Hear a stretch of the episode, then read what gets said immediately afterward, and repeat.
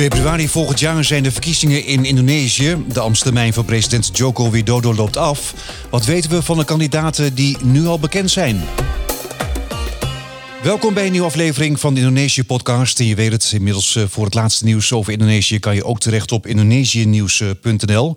De gast is opnieuw eh, politiek antropoloog Wart Berenschot... gespecialiseerd in Indonesië. Dag Wart, fijn dat je er weer bent. Hallo Edwin, leuk om weer terug te zijn.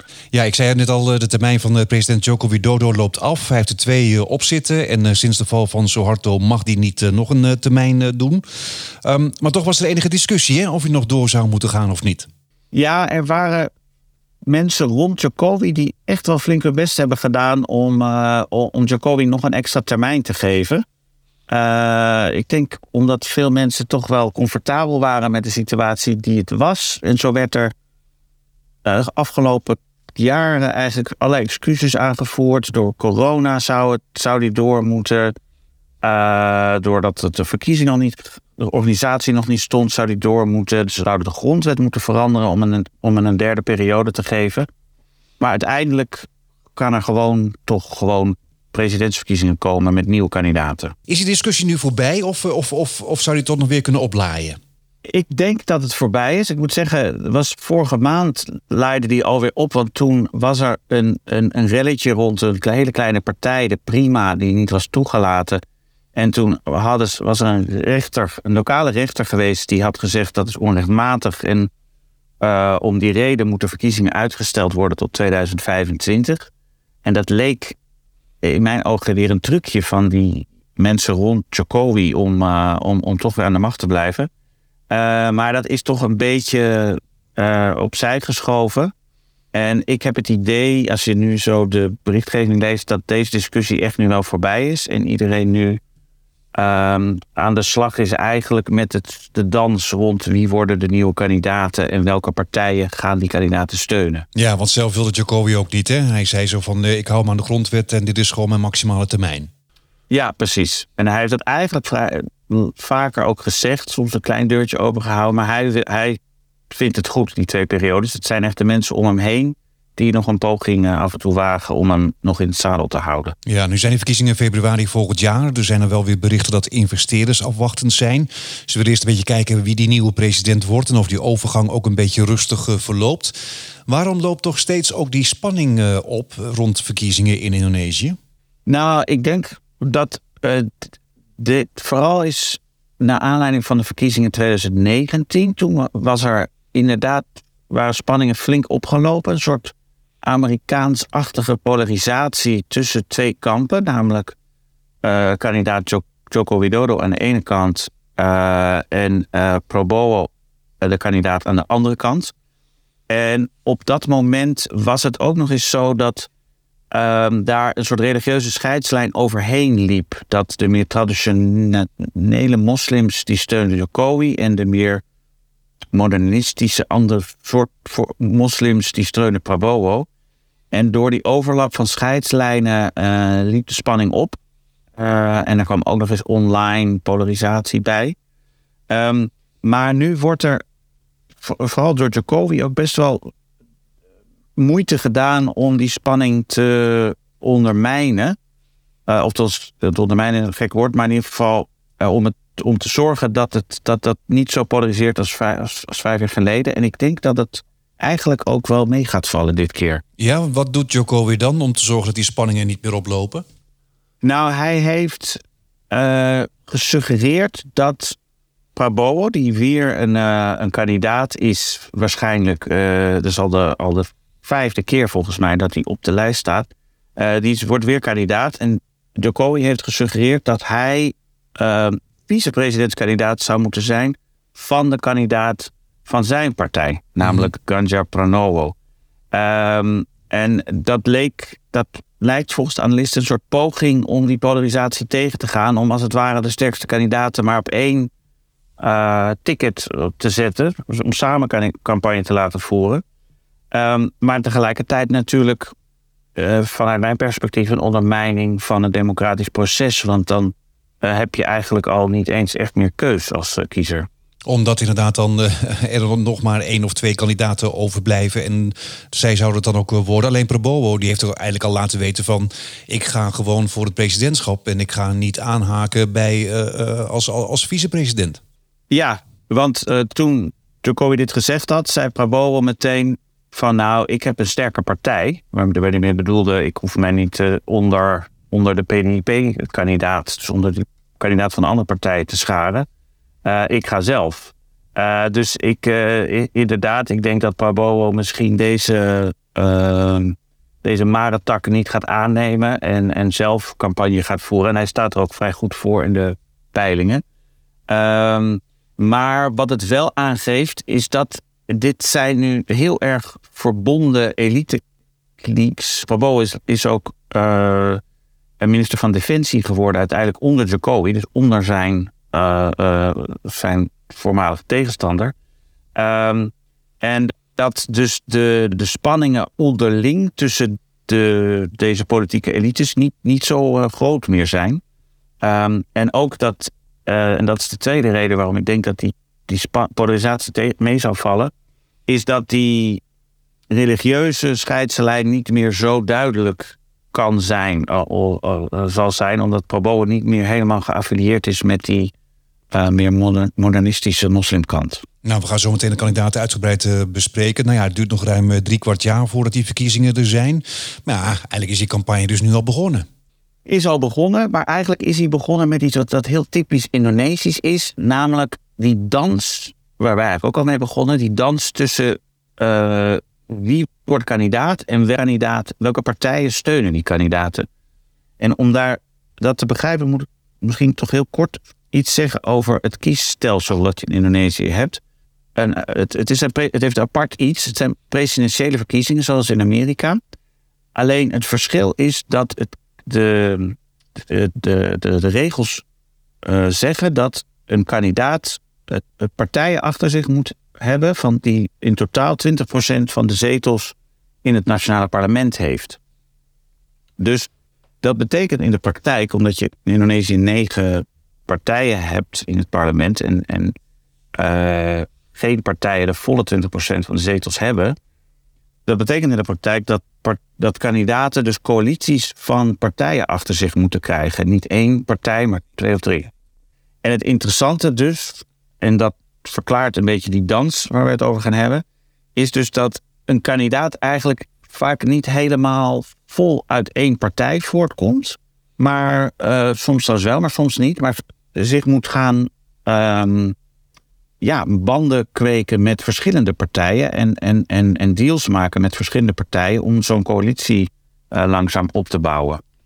En je ziet dus nu in de kranten vol met roddels van oh, Pan die steunt misschien die kandidaat. Of oh, er zijn toch ook mensen die naar die bewegen. En die partij die gaat weer die kant op. En daarom is het zo vroeg, omdat die coalities gesmeed moeten worden om voldoende stemmen te hebben om een kandidaat naar voren te schuiven. Precies, ja. En nu dus uh, drie weken geleden uh, heeft de grootste partij, de PDIP, heeft Ganjar Pranowo naar voren geschoven als hun kandidaat. En dat was uh, significant, want zij zijn niet alleen de grootste partij, maar Ganjar is ook degene die voorop loopt in de peilingen. En daar kijken al die partijen natuurlijk naar, want die willen een kandidaat steunen die een grote kans heeft om te winnen. Want dat levert ze na de verkiezingen natuurlijk veel meer op dan om een verliezer te steunen. Mm -hmm. uh, maar er was nog lang twijfel of PDEP ook echt uh, Ganjar zou steunen, omdat de leider van de PDIP, dat is Megawati, de kleindochter van uh, Sukarno, die had eigenlijk haar dochter naar voren willen schuiven. En dat was heel lang een gedoetje en, en, en, en uh, die bleef dat proberen. Maar uiteindelijk heeft ze toch voor de veel meer populaire kandidaat is gegaan. Namelijk Ganjar. En daarmee is die hele dans veranderd. Want zijn andere partijen ook aan denken... oh, moeten we dan Ganjar steunen nu hij de officiële kandidaat is geworden. Ja, officieel eh, moeten die kandidaten voor het president- en eh, vicepresidentschap zich in oktober, november officieel eh, registreren. Maar ja, je kan inderdaad dus ook wel zeggen van de belangrijkste kandidaat in ieder geval voor het presidentschap, die weten we dus eigenlijk al, hè?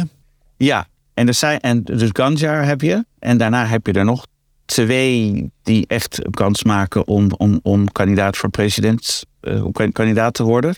Dat zijn Anis Baswedan. Dat is nu de gouverneur van Jakarta. Die uh, ook in de peilingen het vrij goed doet. En als derde, die, die noemden we al, is Prabowo Subianto. De, de, de eeuwige kandidaat, zeg maar. En de leider van de Gerindra-partij. En die drie staan voorop in de peilingen.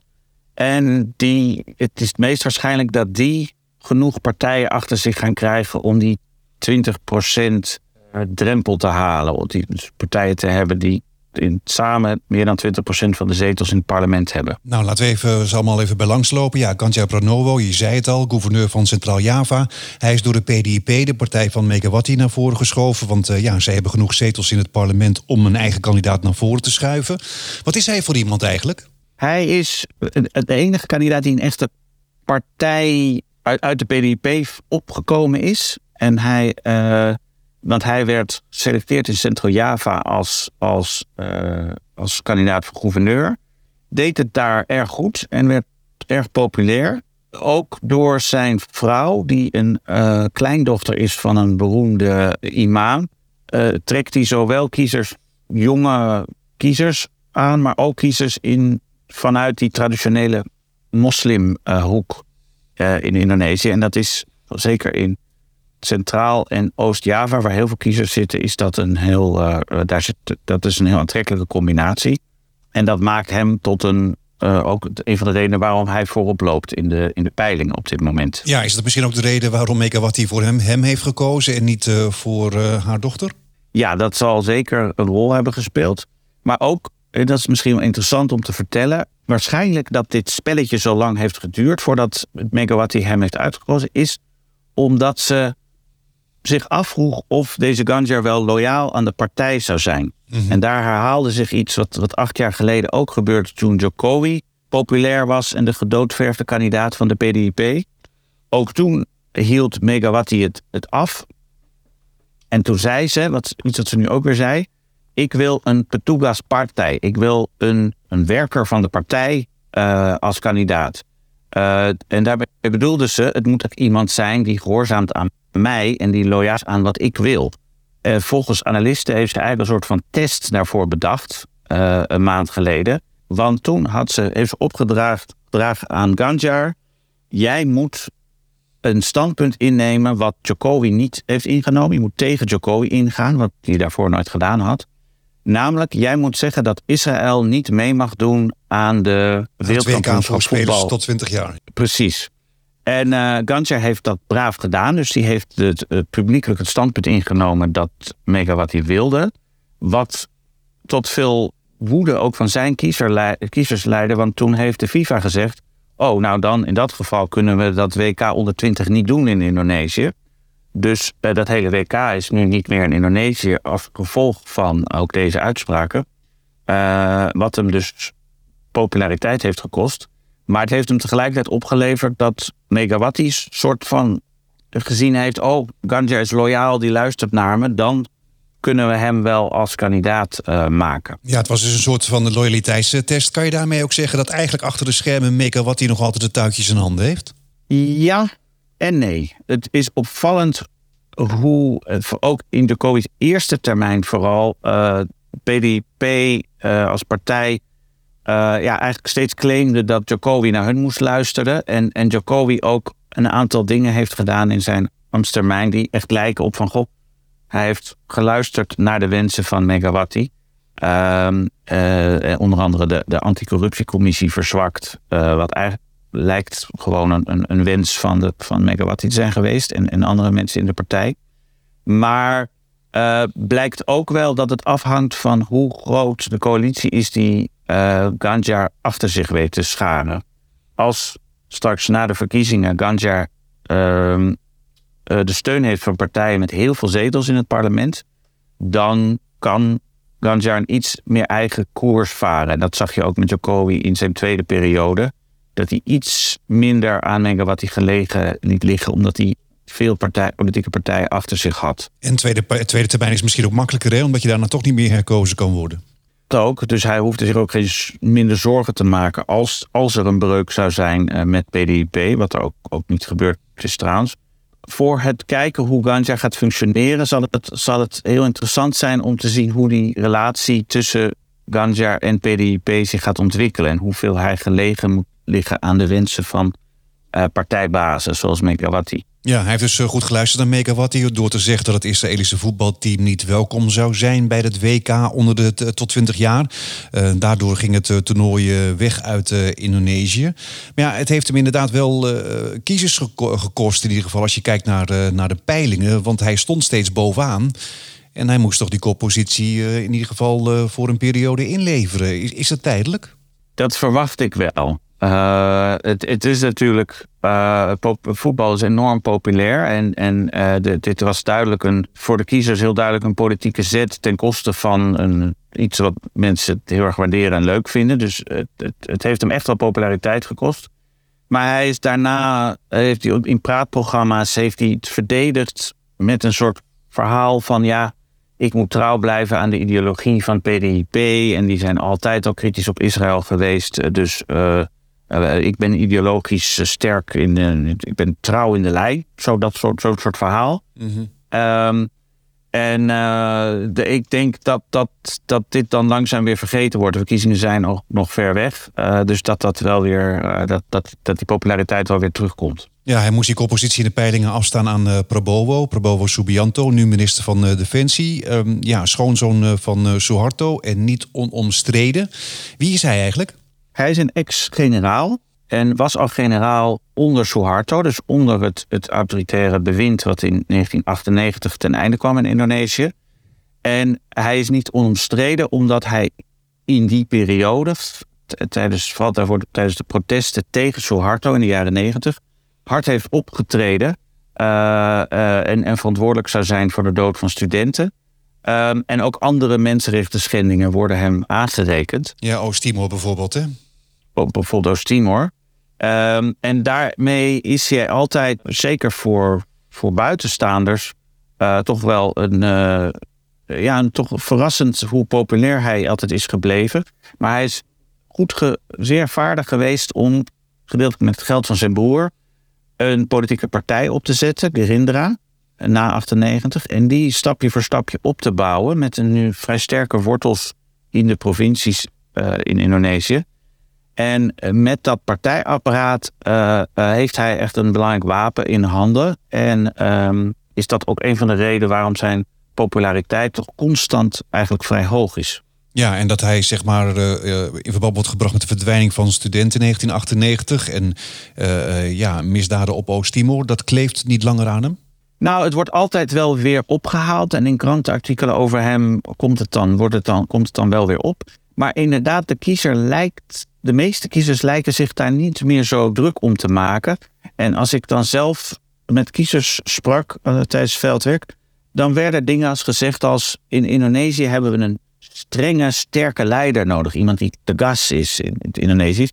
En dat heeft hij als ex-generaal, uh, straalt hij uit of is iets wat, wat hem dan, uh, waar hem vertrouwen in wordt gegeven dat hij sterk en streng kan zijn. Um, en veel kiezers vinden dat toch kennelijk belangrijker dan die uh, geschiedenis van mensenrechten schendingen. Ja, want uh, president Joko Widodo heeft onlangs nog mensenrechten schendingen in het verleden ook erkend. Heeft hij daarmee misschien ook niet een klein beetje de weg vrijgemaakt voor Prabowo om president te kunnen worden? Het zou kunnen dat Prabowo dit gaat gebruiken in zijn campagne. Van gewoon zeggen gewoon, nou, we hebben, we hebben fouten gemaakt en we hebben excuses daarvoor aangeboden en we hebben geleerd en dat soort dingen. Tot nu toe ging niet altijd gewoon het onderwerp uit de weg. Uh, en, en, en, en praten die er niet uh, over. Dus ik, en, en ik moet zeggen, het, het lijkt ook alsof de kiezer het, het steeds ook niet van hem verwachtte. Want tot twee keer toe, dus in 2014 en 2019, kwam Prabowo vrij dicht ja. bij het presidentschap. Mm. hij verloor met 5% en 10% van Jokowi. En dat was is toch een indicatie dat hij toch brede populariteit heeft in Indonesië. En waarom blijft hij het maar proberen? Ik bedoel, hij, heeft het, hij is het nu een paar keer niet geworden. Ik bedoel, hij blijft maar doorgaan. Ja, daar zit. Ja, de, de psychologie van, van Prabowo is, is ingewikkeld. Daar, daar zit enorme ambitie bij hem. En hij heeft ook met, door zijn broer en, en ook zijn eigen uh, zakenbelangen, heeft hij ook de financiën om het te doen. Ehm, en hij is ook nu minister van Defensie geworden. En ik denk dat dat hem natuurlijk voldoende aandacht bleef schenken en zichtbaarheid. En waardoor hij hoog in die peilingen bleef staan. En waardoor hij dacht, ja, dan kan ik het net zo goed nog een keer proberen nu Jokowi geen kandidaat meer is. Nee, je zei het eerder ook al, eh, bij de vorige verkiezingen heeft hij ook eh, flink ingezet op de islam. Hij schuwde ook radicalisme uh, niet. Maar dat zullen we dit keer niet weer gaan zien? Nou, hij heeft door zich uh, onder Jokowi dus minister te, te, te, worden... Um, en ook een aantal dingen die hij daar dan gedaan heeft... is, is hij die steun van die um, ja, meer orthodox of strenge moslimkant uh, een beetje kwijtgeraakt. En die steun is eigenlijk opgeschoven naar de derde kandidaat, Anis Baswedan. Waardoor hij dus niet, niet meer, eh, denk ik, die hele, dat hele blok van, van islam, van moslimkiezers zal weten te mobiliseren op dezelfde manier als, uh, als, als vijf jaar geleden. Ja, en vijf jaar geleden was het ook een manier om uh, te kunnen winnen. Hè? Ja, en, eh, en, en ook heel cynisch. Dus ook die polarisatie waar ik het eerder over had, die werd zeker ook vanuit Prabowo's kamp aangewakkerd als een manier om uh, uh, extra stemmen te krijgen. Dus, dus van, goh, als Jokowi wint, dan wordt jouw manier van de islam beleven wordt, in wordt bedreigd. Dan neemt een andere islam het over. Nou, dat, dat heeft natuurlijk enorm die polarisatie aangewakkerd. En dat heeft hij gebruikt en ik denk dat de kiezers nu ook meer zien. God, daarna zien meteen bij Jokowi heeft hij zich aangesloten. Dat ze meer zien van god, dat was misschien echt maar een trucje en niet iets wat hij echt voelde of meende. Nee, nou je noemde hem al eh, de derde kandidaat, de gouverneur eh, van eh, Jakarta, Anis Baswedan. Wie is hij? Hij is iemand met een uh, academische achtergrond en uh, uh, een intellectueel. Zo, zo werd hij gezien. Maar ook een, een slimme politieke operator die eigenlijk in de afgelopen jaren juist heel slim die, uh, die vrij grote uh, modernisten, laten we het maar noemen, moslimgroep, heeft weten te mobiliseren of daar de steun van weten te verwerven. Ehm, dat heeft hem dus de, het gouverneurschap in Jakarta opgeleverd. En dat was voor Jokowi ook de springplank naar het presidentschap. Die positie heeft, geeft enorm veel zichtbaarheid en ook Durende de, afgelopen vijf jaar is Anis dan veel in het nieuws geweest. Onder andere door zijn beetje eigen coronakoers. En dat heeft hem zichtbaar en populair gemaakt. Wat zijn zwakke punt is dat hij, is dat hij niet een heel duidelijke link met een politieke partij heeft. Dus uh, Jokowi heeft PDIP achter zich, Prabowo heeft Gerindra. En Anis Paswedan moet echt deals maken met politieke partijen waar hij niet heel duidelijk uit voorkomt. Hij heeft nu één partij achter zich, Nasdem. Uh, maar dat is nog niet genoeg. Dus hij zal de komende maanden moeten gaan wheelen en dealen met andere partijen. Ja, maar ook hij deinst er niet voor terug om religie in te zetten. Ja, en ik verwacht van hem eigenlijk, in deze, als hij mee gaat doen, verwacht ik van hem nog meer die polariserende acties die Prabowo de vorige keer deed. Dus dat hij zich gaat opwerpen als de, de verdediger van de, de modernistische moslim. Dus dat wordt in Indonesië vaak uh, geassocieerd met Mohammedia, een van de grootste moslegingen ter wereld. En die worden vaak gecontrasteerd met NU, met Nahdlatul Ulema. En dat zijn de traditionalistische moslims die uh, veel meer aanwezig zijn in Centraal- en Oost-Java. En die steunen Jokowi tot nu toe. En die gaan ook Ganjar steunen. Um, en dus het zou kunnen zijn dat Anis dan diezelfde polarisatie weer gaat gebruiken die Prabowo vijf jaar geleden gebruikte. En dat hij die Mohammedia-kiezers uh, gaat aanspreken. Ja, wat is het nodig? Ik bedoel, moet je steeds polariseren? Moet je steeds religie erbij betrekken? Want anders kan je niet winnen. Nou, een, een kenmerk van presidentschap in Indonesië is dat ze eigenlijk vrij oppervlakkig zijn qua inhoud. Als het gaat om beleid en, en, en visie voor de toekomst voor het land. Dus als je uh, mij nu zou vragen van goh, wat zijn nou de beleids, grote beleidsverschillen tussen deze drie kandidaten die we hebben besproken, zou ik dat al best moeilijk vinden. Uh, want ze zitten vrij dicht bij elkaar als het gaat om links-rechts scheidslijnen die er nauwelijks zijn, of, uh, of, of, of, economisch beleid of dat soort dingen. Um, dus wat er dan in plaats van dat soort beleidsdingen meer naar boven komt in de campagnes, wordt dan toch religieuze identiteiten. En dat wordt dan toch snel uitgespeeld als, als middel om de kiezer aan te spreken. Maar zorgt ook voor polarisatie, hè? En dat zorgt voor polarisatie. En daarom zie je dus Jokowi zich daar nu alweer zorgen over maken en dat proberen te, te gaan verzachten deze keer. Men is er wat bezorgder over dan vijf jaar geleden. maar ik denk dat dat, dan, dat men zich er nu heel bezorgd over is, maar dat dan toch als die campagne losbarst, dat er dan toch wel weer uh, ja, een beroep wordt gemaakt of ingespeeld wordt op de religieuze identiteiten van de kiezers. Ja, vijf jaar geleden speelde dat inderdaad uh, flink uh, op. Um, om alle discussie te voorkomen heeft uh, president Joko Widodo toen de conservatieve moslim Amin als vicepresident aangewezen. Hij kon daarmee toch elke discussie een beetje de kop indrukken dat hij geen goede moslim zou zijn. Is belangrijk wie de vicepresident is? Ja, uh, en precies om de reden die jij zegt. Dus dat een, het keuze voor een vicepresidentschap een manier is om een groep kiezers aan je te binden die je nog niet helemaal wist te bereiken. Uh, dus uh, voor Jokowi, die zijn moslim credentials niet helemaal stevig stonden, zeg maar, was toen Amin als, als leider van de NU een manier om dus die NU-kiezers stevig aan zich te binden.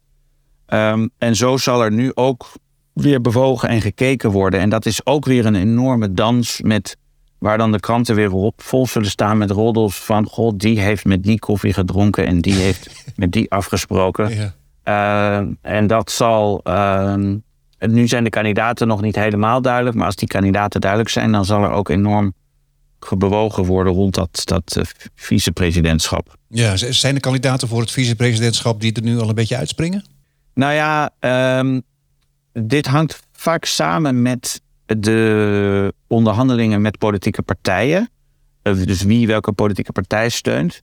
Dus wat je vaak ziet is dat dan een politieke partij zegt: Goh, wij willen jou wel steunen als jij onze leider als vicepresident maakt. Um, dus uh, een voorbeeld, uh, de, de ene grote partij van Indonesië, Golkar, de partijleider daarvan is Erlangga, Erlangga Hartoto. Dat is ook een, um, een, een, een, een, een ex-minister, een, een, zeer aanwezig iemand die eigenlijk zelf presidentkandidaat zou willen zijn, mm -hmm. maar in de opiniepeilingen het gewoon niet goed genoeg doet. En daardoor is er van te verwachten, denk ik, dat Golkar hun steun aan een andere kandidaat gaan verkopen. In ruil voor het maken van een. om Elanga vicepresidentkandidaat te maken. En uh, zo zou dat ook bij andere politieke partijen kunnen lopen. Maar ik denk bijvoorbeeld dat uh, Ganjar, omdat hij eigenlijk al genoeg steun heeft, die hoeft dat soort deals niet te gaan maken, dat die een, uh, meer een, een kandidaat buiten politieke partijen gaat kiezen die een andere kiezersgroep aanspreekt. Ja, oké. Dus daar wordt nog uh, flink uh, over gedeeld en gewild de komende tijd. Uh, zij zijn Gantja, ja. Prabowo en Anis de belangrijkste presidentskandidaten? Of, of, kan het nog veranderen? Kan er nog iemand uit de hoed komen?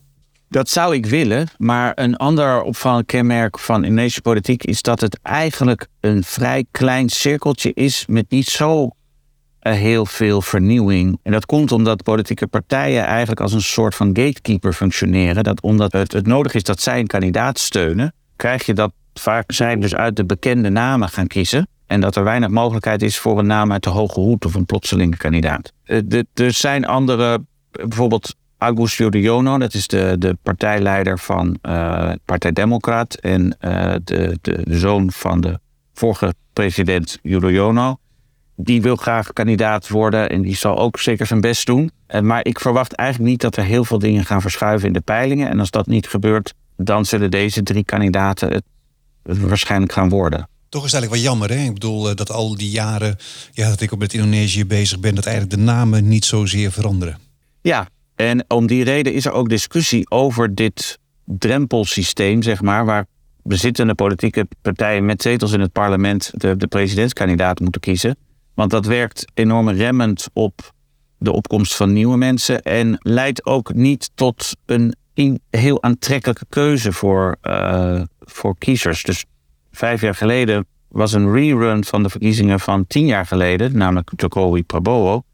Uh, en ook nog eens kandidaten die toen steeds meer op elkaar waren gaan lijken. En daardoor zag je toen al dat heel veel kiezers niet wilden gaan stemmen en ontevreden waren met de keus die ze hadden. Ehm, en ik verwacht dat nu weer.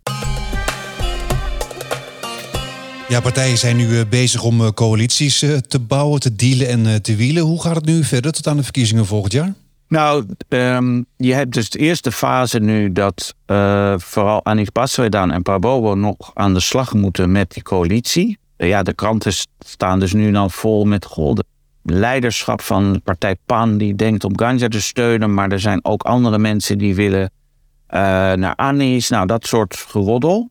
Dan komt er een fase dat de vicepresidentskandidaten gekozen moeten worden. En dan uh, zal vanaf het najaar de campagne echt los gaan uh, barsten.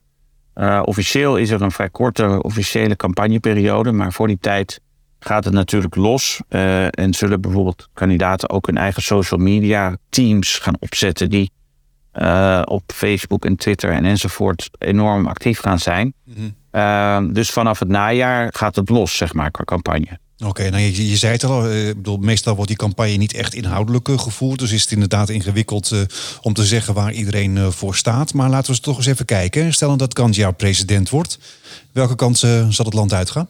Nou, Ganja heeft zich in interviews uitgesproken als dat hij de, de beleid van Jacobi erg goed kent. En dat hij zijn, de, de, de impact steunt en ziet hoe het heeft gewerkt. Uh, en kortom, dat hij uh, dus eigenlijk zich waarschijnlijk gaat opstellen als een soort vervolggever aan het beleid van Jacobi. Uh, en dat betekent bijvoorbeeld, Jacobi heeft heel veel nadruk gelegd op infrastructuur, op wegen aanleggen, op vliegvelden, havens. En ik verwacht daar dus ook dat dat een beetje doorgaat. Ganja heeft zich in, ten tijde van zijn gouverneurschap een paar keer achter de zaken, grote bedrijven geschaard op het moment dat er conflict was met lokale bevolking. Uh, dat wordt hem nu aangerekend van, goh, is, het, was dit, is nou een kandidaat van het gewone volk of is er een van de oligarchie? En dat is een term die in Indonesië heel veel rondgaat, omdat uh, de politieke elites vaak uh, ook economische elites zijn. Uh, maar is wel een reden om te denken, uh, er gaat niet zo heel veel veranderen als Ganja wint. Uh, dan blijft de, de lijn van het beleid ongeveer vergelijkbaar met wat Jacobi nu aan het doen is. En Prabowo? Prabowo zit natuurlijk ook in die klik. Hij is nu minister onder Jacobi. en verwacht ik ook niet heel veel iets anders van, maar wel een beetje in retoriek. Vijf jaar geleden wierp Prabowo zich op als een echt nationalistische leider in de zin dat hij fel tekeer ging tegen de manier waarop westerse bedrijven profiteren van Indonesische rijkdommen, uh, uh, hoe ze uh, de mijnen hadden en, en hoe ze vergunningen hadden gekregen en winsten weghalen in Indonesië. En daar zei hij, daar ga ik wat aan doen. dat is in theorie een, een, zou dat een, een enorme verschuiving in beleid zijn. En ook misschien slecht voor buitenlandse bedrijven? En misschien ook met impact voor buitenlandse bedrijven. Um, en je ziet trouwens ook wel dat, dat, dat die retoriek al een beetje is overgenomen door Jacobi. Op sommige sectoren is het ietsje lastiger geworden. Um, maar tegelijkertijd is, dat, is die Prabowo wat gematigder geraakt in, dat, in die retoriek. En heeft hij zelf ook enorme zakelijke belangen en verbindingen met internationale bedrijven. Dus uh, ik verwacht zelf eigenlijk dat dat meer retoriek is dan uh, dat, dat, dat hij dat ook echt in beleid zou gaan vertalen als hij gekozen wordt. Oké, en dan de derde kandidaat, Anis? Ja, dat, daar valt wel de meeste vernieuwing van te verwachten. Dus hij heeft zich altijd ook wat kritisch op Jacobi opgesteld uh, in zijn tijd als gouverneurschap. Hij heeft een, uh, ook eens wat andere achtergrond. Uh, maar tegelijkertijd moet ik zeggen, zou ik het, is hij nog enorm vaag in wat nou precies die plannen zijn. Kan het zijn dat zijn campagne gewoon in identiteitspolitiek blijft hangen. Maar ik moet zeggen, dit is, dit is op dit moment nog te onduidelijk om daar echt iets over te zeggen. En dit is iets om de komende maanden te gaan volgen, wat hij precies voor ander beleid dan Jokowi zou gaan voorstaan. Maar hij is echt, als hij gekozen wordt, is hij echt de uitdager en de oppositiekandidaat die gaat uh, betogen dat hij het anders gaat doen dan Jokowi. Oké, nou ja, voor de verkiezingen zullen we elkaar nog wel uh, vaker uh, spreken. Dankjewel, politiek antropoloog Wart Berenschot, gespecialiseerd in Indonesië. Graag gedaan. Vergeet niet om ook regelmatig even Indonesië-nieuws.nl te checken voor het laatste nieuws uit Indonesië. Tot de volgende.